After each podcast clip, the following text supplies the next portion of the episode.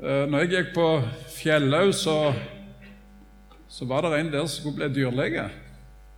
Som bodde på studenthjem, men han var så fæl å springe. Så En gang prøvde jeg å henge på han, men da møtte jeg veggen. Og i dag møtte jeg dattera, Gøril. Det var altså far hennes. Dyrlege bleie på Finnøy. Jeg skal aldri prøve å springe etter ham mer. Um, det emnet som jeg skal tale om, Jesu gjenkomst. Og um, temaet det er altså at Jesus skal komme igjen. Nå uh, vil jeg si dere det at uh, noe skal dere merke dere. Den 3., 4. til 6. mai da skal vi ha en konferanse om dette emnet Jesu gjenkomst. Og Da kommer det en fra USA som heter Joel Richardson. Og vi vil ha møter både fredag, lørdag og hele søndag om dette emnet. Han har veldig mye spennende. Eh, aktuelt dette som skjer i Midtøsten i dag, Israel og de muslimske eh, landene, der muslimsk brorskap overtar, er dette noe som vi kan kjenne igjen i Bibelen. Det skal han tale om da disse dagene. Så sette den datoen, de datoene 4. til 6. mai. Vi skal begynne dette emnet med å lese ifra apostlenes gjerninger. Og eh, Nå kommer jeg til å lese en del bibelvers. Og eh, han, eh, Teknikeren vil da følge med, sånn at disse bibelversene kommer på skjermen etter hvert. I Apostlenes gjerninger, der, helt det første kapittelet der, der er det Jesus som tar avskjed med sine disipler. Og de spør han en del spørsmål om dette med hvordan det skal gå, hvordan eh, det blir framover, og når han skal komme igjen, osv. Og, og så sier han der i kapittel 1, vers 7 Det er ikke deres sak å vite tider eller timer som Faderen har fastsatt av sin egen makt, men dere skal få kraft i det Den hellige ånd kommer over dere og dere skal være mine vitner både i Jerusalem og i Judea og Samaria og like til jordens ende. Da han hadde sagt dette, ble han løftet opp mens de så på, og en sky tok ham bort fra deres øyne. Mens de sto der og stirret opp mot himmelen idet han for bort, se, da sto to hvite menn, to menn i hvite klær hos dem, og de sa, Galileiske menn, Hvorfor står dere og ser opp mot himmelen? Denne Jesus som er tatt opp fra dere til himmelen, skal komme igjen på samme måte som dere så ham fare opp til himmelen. Altså, det første disiplene fikk vite når Jesus hadde fart opp til himmelen, det var det at han skal komme igjen på samme måten. Han kom igjen en dag. Og um, nå vet vi det at kanskje dere ikke vet det, men det kan jeg da fortelle dere, at det, det er ingenting Jesus talte så mye om. Det er ikke noen ting eh, gjengitt så mye om fra Jesu taler som det han sier 'Jeg skal komme igjen'.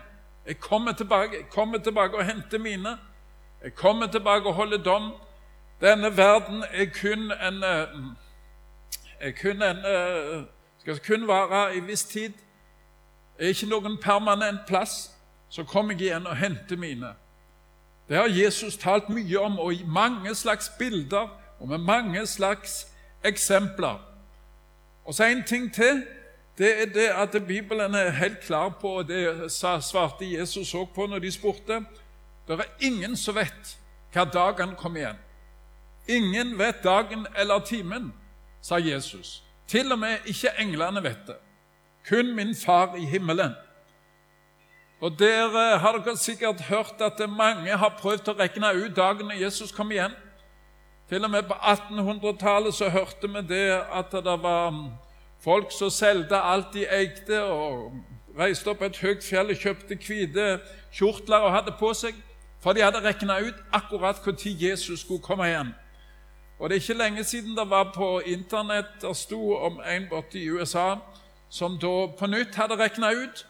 Og Jeg vet ikke om det var før eller etter jul, men han hadde regna ut akkurat på datoen når Jesus skulle komme igjen. Og når det var tusenårsskiftet, nå, allerede allerede 12-11 år 11-12 år siden, så var det mange såkalte kristne grupper som kom til Jerusalem. Og det var ei plage for politiet i Jerusalem fordi disse gruppene gjorde som om det var de som eide plassen. Og de eh, oppførte seg som om de snart skulle overta her, for Jesus kom jo igjen i tusenårsskiftet. Så vi må jo Så det var mye merkelig sånn. Men mange har trødd feil, og alle de som har regna ut til nå når Jesus kom igjen, de har tatt feil. Og hvis de hadde tatt Jesu ord på alvor, så hadde de visst det, at de kunne bare slappe av, for ingen kan regne det ut. Det er en ting som Gud har holdt for seg sjøl.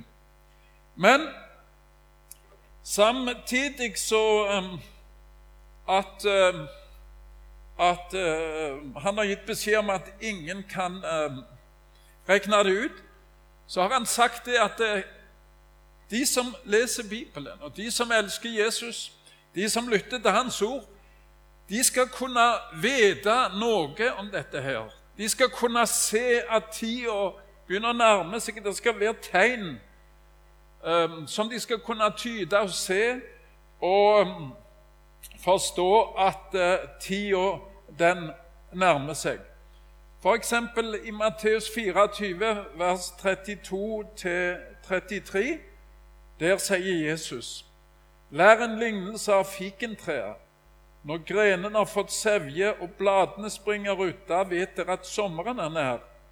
Slik skal dere også, når dere ser alt dette, vite at Han er nær og står for døren. Vi som leser Bibelen, har en utrolig fordel.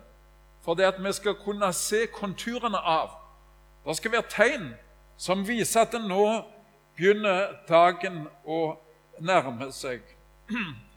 Så det er altså ingen som skal kunne regne ut dagen, men det er mange som skal kunne vite at det begynner å nærme seg. For det skal være tegn i naturen, naturkatastrofer. Det skal være tegn i menneskelivet. Det skal være politiske stemninger og strømninger og omveltninger som skal si til oss kristne Mon det nå nærmer seg. F.eks. nå dette som skjer i Midtøsten, med at Israel blir mer og mer eh, forhatt og isolert, som det skal gå i den siste tid. Så har vi lov å spørre oss er det nå, nærmer det seg nå at Jesus skal komme igjen. Og um, Jesus og Bibelen gjør det helt klart at uh, den kristne menighet, de kristne, skal alltid leve sånn at de er klar når Jesus kommer igjen. I Johannes' åpenbaring, det første kapitlet der, og, og, og vers 3 Hele Johannes' åpenbaring handler jo om Jesu gjenkomst. Og Der står det i dette verset salig er den som leser, og de som hører de profetiske ord og tar vare på det som står skrevet, for tiden er nær.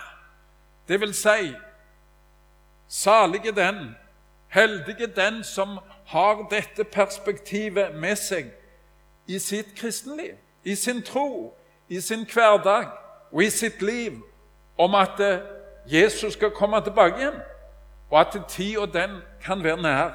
For det gjør at en alltid vil være rede om han skulle komme. Og så er det en ting til som eh, jeg hadde tenkt å nevne i denne forbindelsen, som står i Johannes evangeliet. Det kommer ikke opp på skjermen, men det er noe som Jesus sa til Pilatus. Der sa Jesus, 'Den som er av sannheten, hører min røst.' Den som er av sannheten, hører min røst. Den som søker Gud i sannhet, og den som søker eh, Gud i Hans ord for å finne sannheten, han skal forstå etter hvert hva som utvikler seg, og hva som nærmer seg, og hva som skjer. Så du som uh, leser i Bibelen, og du som lever med Jesus i, i bønn, du er utrolig heldig og privilegert for det du skal få vite og se etter hvert, og bli oppmerksomme på ting som skjer. Og du skal kunne på en fin måte kunne se at ting legger seg til rette. Og så er det sånn, Bibelen uh, viser oss klart at uh, historien den gjentar seg pga. at menneskene de er i gåen like. Selv om de levde for 2000 år siden eller i dag, så er de i bunn og grunn like.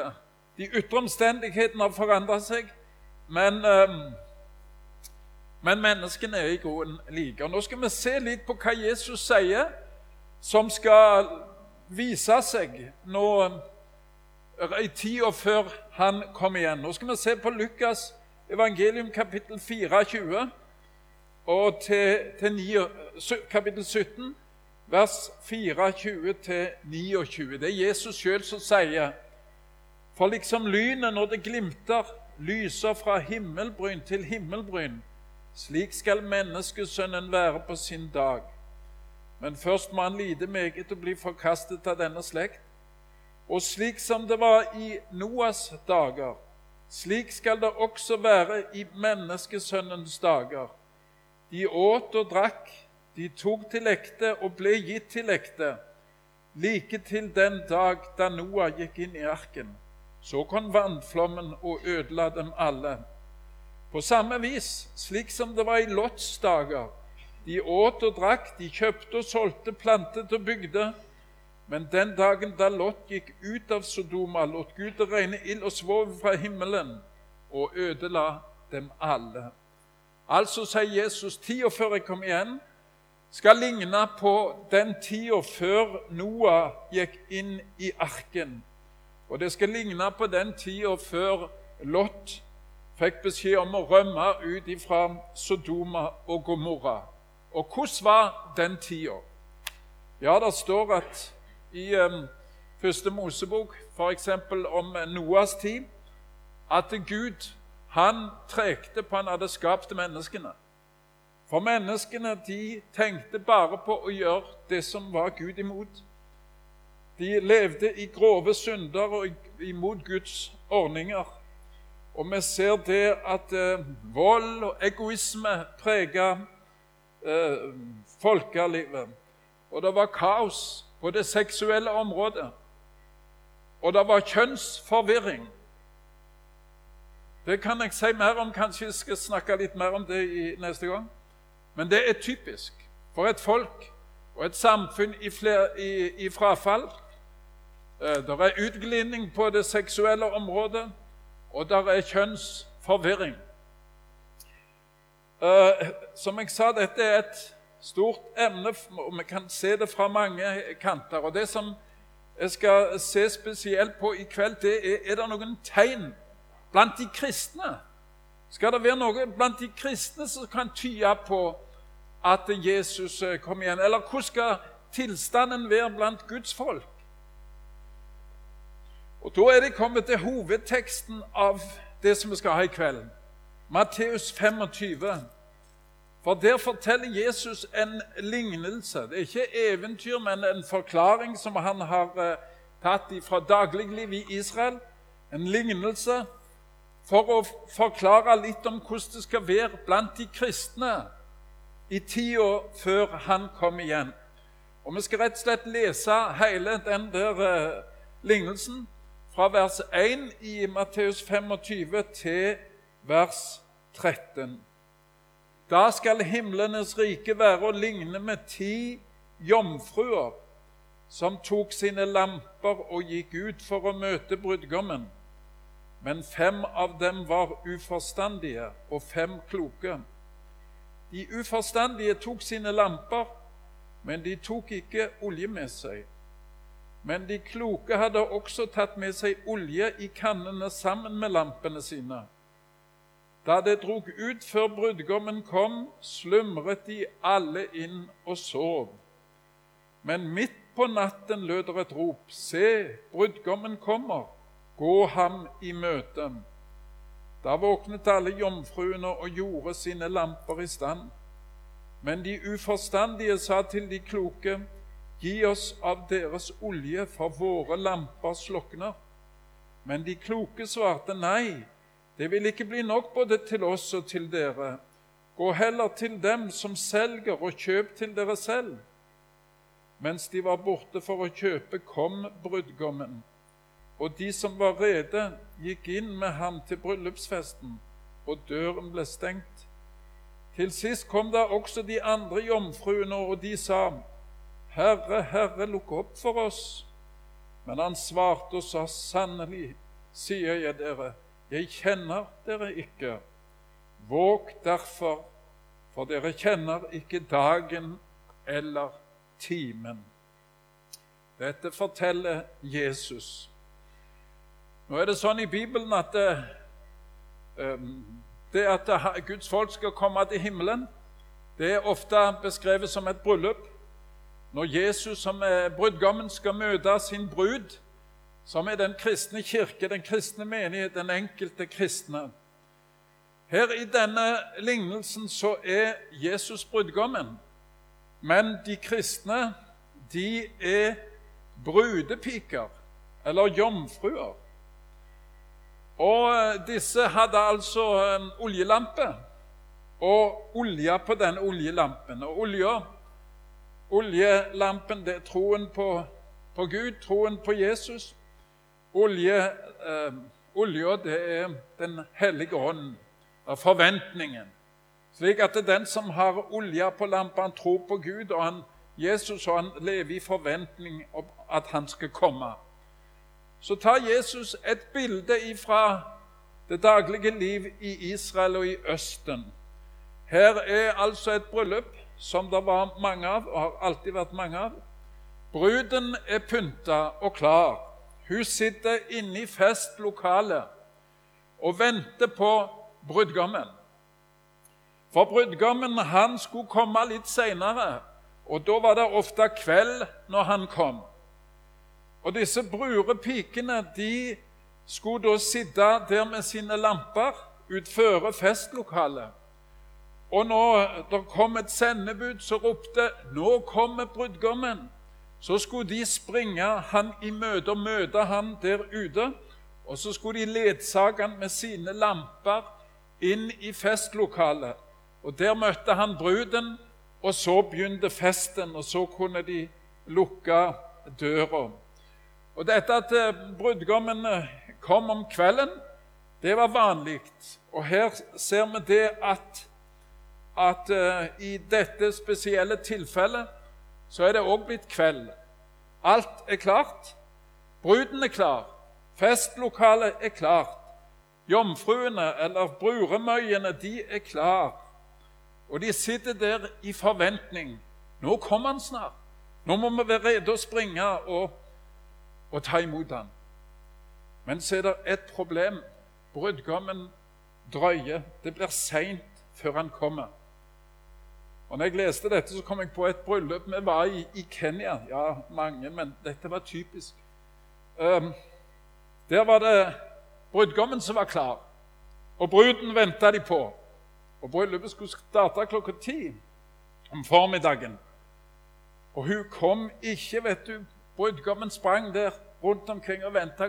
Så var det noen onkler som hadde lagt seg oppi og syntes ikke han hadde betalt nok i brurapris. Så de satt og forhandla, så hun kom i tre-fire-tida. Jeg skal si Det var mange som hadde lyst til å reise hjem da, og var helt leie av å vente.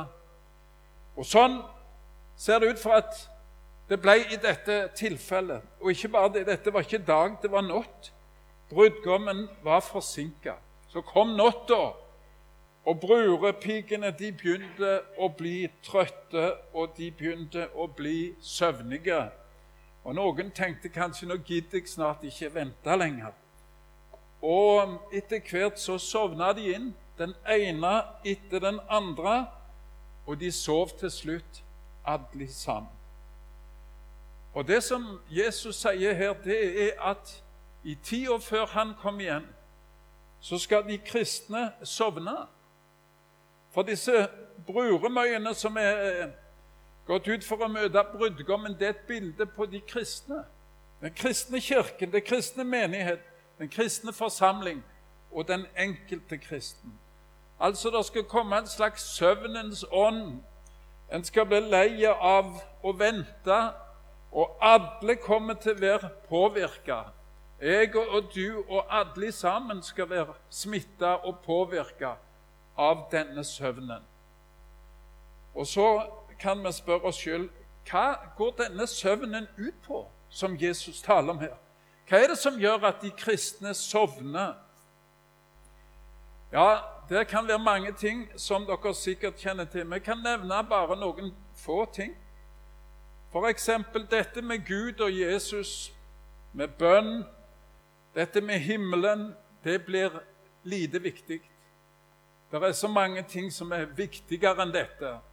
Det er kanskje greit på lørdagskvelden eller med helga, men ellers så er det så mye annet som er, er viktigere. Det å leve som kristne òg i hverdagen, det er liksom gått ut på dato. Og um, det er ikke løye. For uh, hva taler Kirkens ledere, de kristne lederne, om f.eks. på TV og i media? Jo, de taler om naturvern og forurensning. Av og til at vi må være snille med hverandre. Homofili det er jo det viktigste de taler om.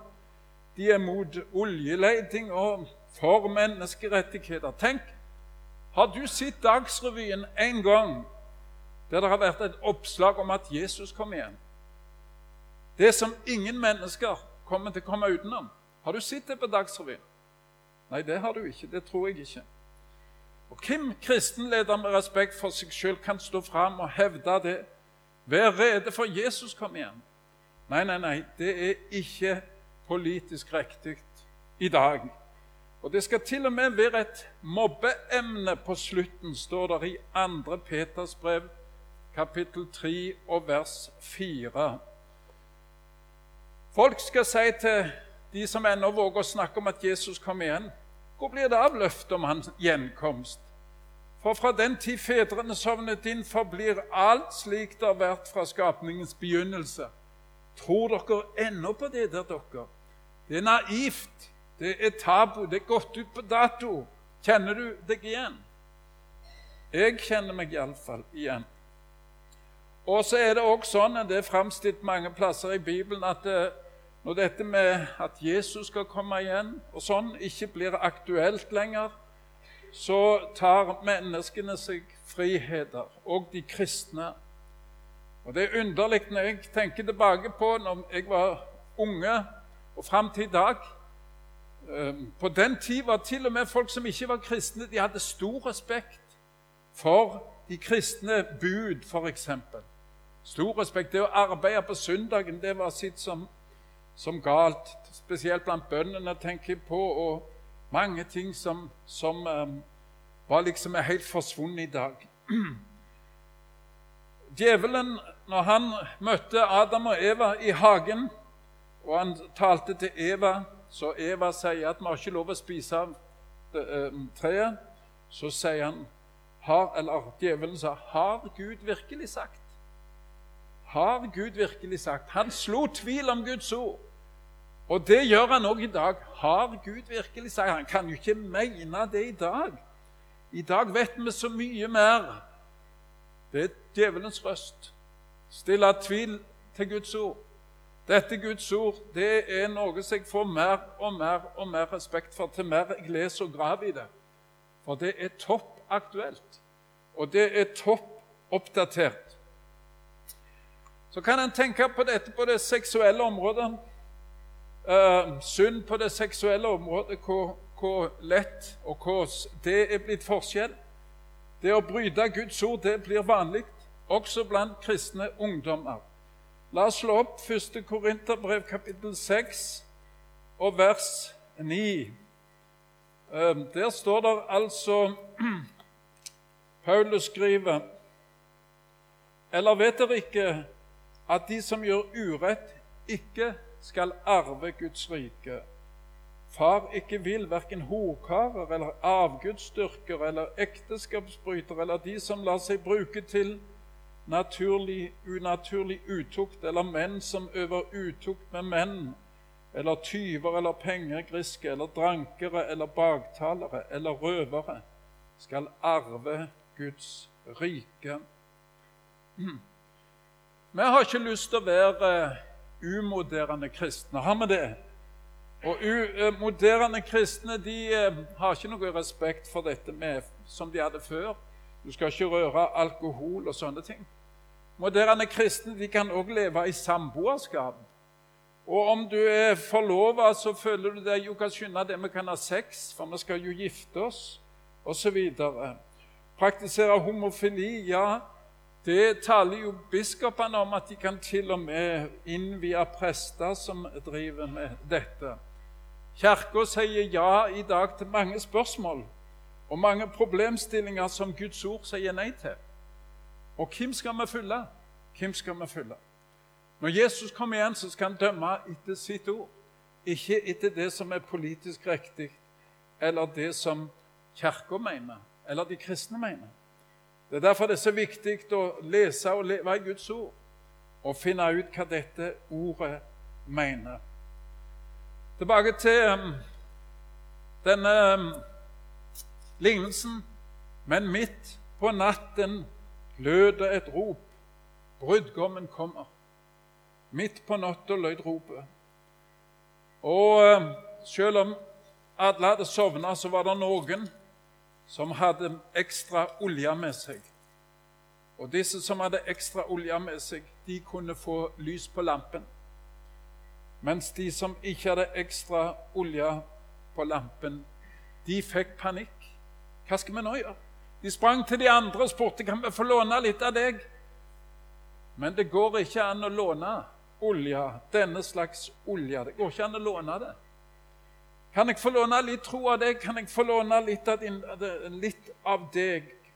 Kanskje en springer til faren eller mor eller vennene og spør har du litt til meg. Nei. Det er opp til den enkelte å skaffe seg olje. Det er opp til den enkelte å ordne sin sak med Gud, sånn at det er olje på lampen. Og disse som ikke fant olje, de sprang av gårde for å prøve om de kunne få tak i olja. Og når de kom tilbake, så var døra stengt. Så var nådetida slutt, og så fikk de ikke komme inn. Nå eh, bodde jeg i Afrika i mange år, og hovedstaden i det landet som eh, jeg bodde i, Kenya, heter Nairobi. Og eh, vi bodde da 34 mil fra Nairobi. Og På denne strekningen gikk det en jernbane som gikk nokså seint, men det gikk an å ta toget på denne strekningen. Og da, når du eh, kom inn der på Nairobi, eh, på mm, stasjonen, så kunne du kjøpe to slags billetter. Den ene billetten det var for å reise. Og En venn av meg han fortalte at han skulle reise til Voi, der som vi bodde da. Han kjøpte han kjøpte denne reisebilletten. Men så kunne du òg kjøpe en billett som kosta bare 50 øre, da, men nå koster den 5 kroner. Og det var noe de kalte for plattformticket. På swahili har de bare snudd litt på de engelske ordene, så sier de 'tikitia plattform'. Plattformticket. Hvis du kjøpte den billetten, så kunne du komme ut på perrongen, og du kunne vinke farvel til disse som skulle reise. Og denne venn, Min venn han kom der, og han så at det var veldig mye folk på perrongen. Og han lurte på er det plass i toget. For han reiste på tredje klasse, der de bare skuer inn så mange som går, og så eh, får de se om de finner et sete eller ei. Han tenkte er det plass på toget. For det var så mange som eh, som var på perrongen. Og alle så ut som de skulle reise. De bar på kofferter, de var fint kledd, og de så ut som de skulle reise med toget. Så sa han, så gikk jeg inn på toget, sa han. Og da var jeg overgitt, sa han, for på toget var det ganske få. Så fant jeg ut, sa han, når toget gikk, så sto de fleste og vinka så viste det seg at de fleste hadde bare den der billige billetten. Tikitia plattform, ikke Tikitia safari. Ikke reisebilletten, men bare den der til å komme inn på plattformen. Og så sa denne min venn, som var evangelist, sånn er det med mange kristne. De eh, kommer inn i den kristne forsamling.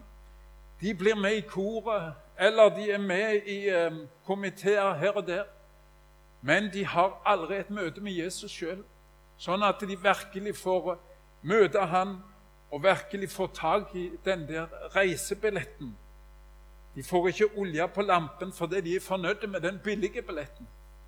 Og Så kommer det til å gå sånn sånn at når Jesus kommer igjen, så er det mange av de som alle trodde var kristne, som blir stående igjen fordi at de hadde ikke reisebilletten. Kanskje du syns at dette var bad news. Og da er det alltid sånn at eh, når vi snakker, så er det noe som er bad news, og så er det noe som er good news. Og nå kommer the good news. Og the good news det er det at uh, der er stadig tid å få olje på lampen. I Salem er det olje i kveld. Du kan få olje på lampen i kveld. Og um, den tid som Bibelen beskriver i 2. Korinterbrev 6,2 Paulus skriver se nå er nådens tid. Se nå er frelsens dag. Det er i dag. Det er ennå nådens tid. Og um, i Jesajas 55, 6, så står det Søk Herren mens han finnes. Søk Herren mens han finnes. Og i dag, om dere hører Herrens røst, da forherd ikke deres hjerte, sier hebreerbrevet. Det går an å ordne sin sak i dag, å få olje på lampen i dag. Og om vi ante litt av hvordan eh, Herren Jesus ønsker å komme i kontakt med oss og få oss til å komme til Han, så hadde vi nok sett på det på en helt annen måte. Hvis du tar de siste kapitlene i Bibelen, de siste versene, så er det ett ord som preger disse siste versene, og det er ordet 'kom'. Ånden og bruden sier 'kom'. Åpenbaringen kapittel 22, vers 17. Og den som hører det, la ham si 'kom'. Og den som tørster, han får komme. Og den som vil, han får ta livets vann uforskyldt. Kanskje det er noen her i kveld som har funnet ut at jeg har faktisk levd i synd. Jeg trodde det gikk an å leve sånn som, som jeg gjør. Men kanskje jeg lever sånn at jeg ikke har olje på lampen. Da går det an å ordne opp det. Det går an å komme til Jesus og fortelle han hvordan du har det, og be om tilgivelse. Eller du har levd der ute i periferien og er fornøyd med å ha kristendommen som en hobby, men du har aldri kommet til han og blitt hans barn. Aldri hatt et personlig møte med han. Det går an å ordne det, faktisk. Han som vitner dette, sier 'Ja, jeg kommer snart'. Amen, jeg kom, Herre Jesus. De siste ord i Bibelen. Når vi var unger, så var det av og til at foreldrene våre skulle av gårde. Og Jeg husker at mor mi da ga oss mange instrukser. Må huske det, må huske det. Må, må ikke glemme å skru av komfyren osv. Og, og det som var spesielt viktig, det kom hun tilbake og sa kanskje hun allerede gått noen meter. Må dere huske det som jeg sa. Og så er det Jesus her, akkurat som om han kommer tilbake, så sier han, husk å si til folk Kom, kom til meg, ta livets vann uforskyldt. Det er tilgivelse for oss mennesker, samme hva vi har gjort, og samme hvordan livet vårt har vært. Samme om vi har levd i et sjølbedrag. Det er tilgivelse. For Guds armer de er åpne, og han sier, 'Kom til meg'. Og Den største glede vi kan gi Han, det er å komme til Han og si, 'Herre Jesus, jeg har lyst til å bli ditt barn. Kan jeg få komme akkurat sånn som jeg er?' Så trenger du ikke forbedre deg eller noen ting, for Han vil ta deg akkurat sånn som du er.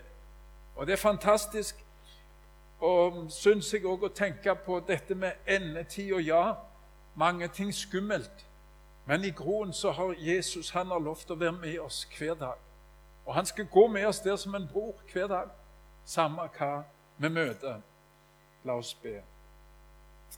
Kjære Jesus. Hvis det er en her inne i kveld som ikke har olje på lampen, så må du la han få ordne lampen sin i kveld. Og Hvis det er noen som trenger å fornye sitt forhold til deg, som er begynt å komme på avstand, takk, Jesus, for at du har kalt oss med ditt ord òg i kveld. Ber om at Din Hellige Ånd må fortsatt velsigne dette møtet. For ditt navns skyld. Amen.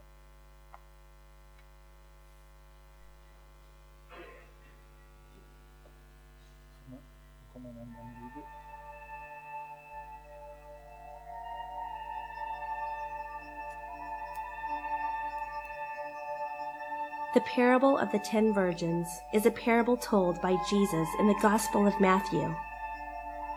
In it, the five virgins who are prepared for the bridegroom's arrival are rewarded, and the five who are not prepared are excluded. The parable has a clear theme Be prepared for the day of reckoning.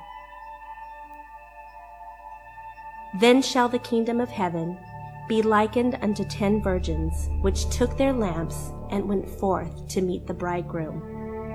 And five of them were wise, and five were foolish. They that were foolish took their lamps, and took no oil with them. But the wise took oil in their vessels with their lamps. While the bridegroom tarried, they all slumbered and slept. And at midnight there was a cry made, Behold, the bridegroom cometh Go ye out to meet him. Then all those virgins arose and trimmed their lamps. And the foolish said unto the wise, Give us of your oil, for our lamps are gone out. But the wise answered, saying, Not so, lest there be not enough for us and you. But go ye rather to them that sell, and buy for yourselves. And while they went to buy, the bridegroom came and they that were ready went in with him to the marriage, and the door was shut. Afterward came also the other virgins, saying, Lord, Lord, open to us. But he answered and said, Verily I say unto you, I know you not. Watch therefore, for ye know neither the day nor the hour wherein the Son of Man cometh.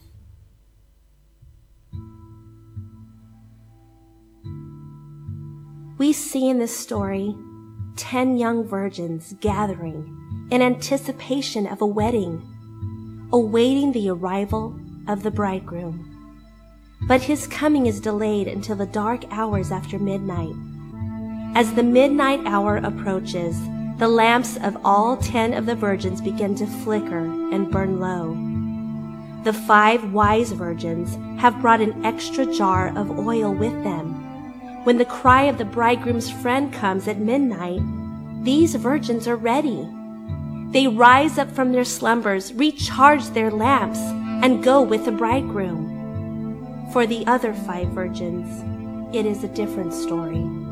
They have not prepared, and their oil has run out. They tried to borrow from the others, but they refused to share, saying that there would not be enough. The virgins with empty lamps are unable to go out into the darkness to meet the bridegroom. They run off to get more oil, but by then, the bridegroom no longer wants them. What happened? All the virgins had the same access to the same things. All had lamps, wicks, and fire to light them.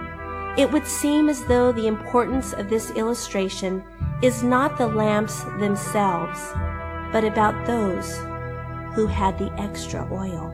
Is this the face of the one who just awoke to the call, realizing she has no extra oil to light her way? The face of fear and regret. The moment of truth as the five go and light their way to the bridegroom, while the other five panics and run to find oil in the middle of the night, realizing that it is too late to enter into the wedding and hear the door shut. Can you hear the five virgins crying, Master, Master, wait for us! Lord, Lord, open to us the door. Open the door, Master. Master, Lord, it, it can't be too late. We have our oil.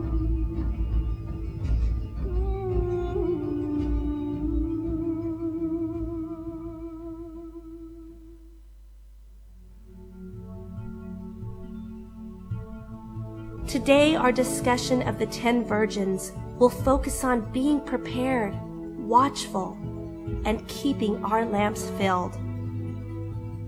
We look to this parable as a warning of our need to be ready for the return of Jesus. In Matthew 25:13, it says, "Watch therefore, for ye know neither the day nor the hour wherein the Son of Man cometh." Jesus urges us to be watchful. Though Christ's return may be delayed, he is coming back for us. You have chosen wisely today, and you will learn how to keep your lamps filled and ready, for the bridegroom cometh.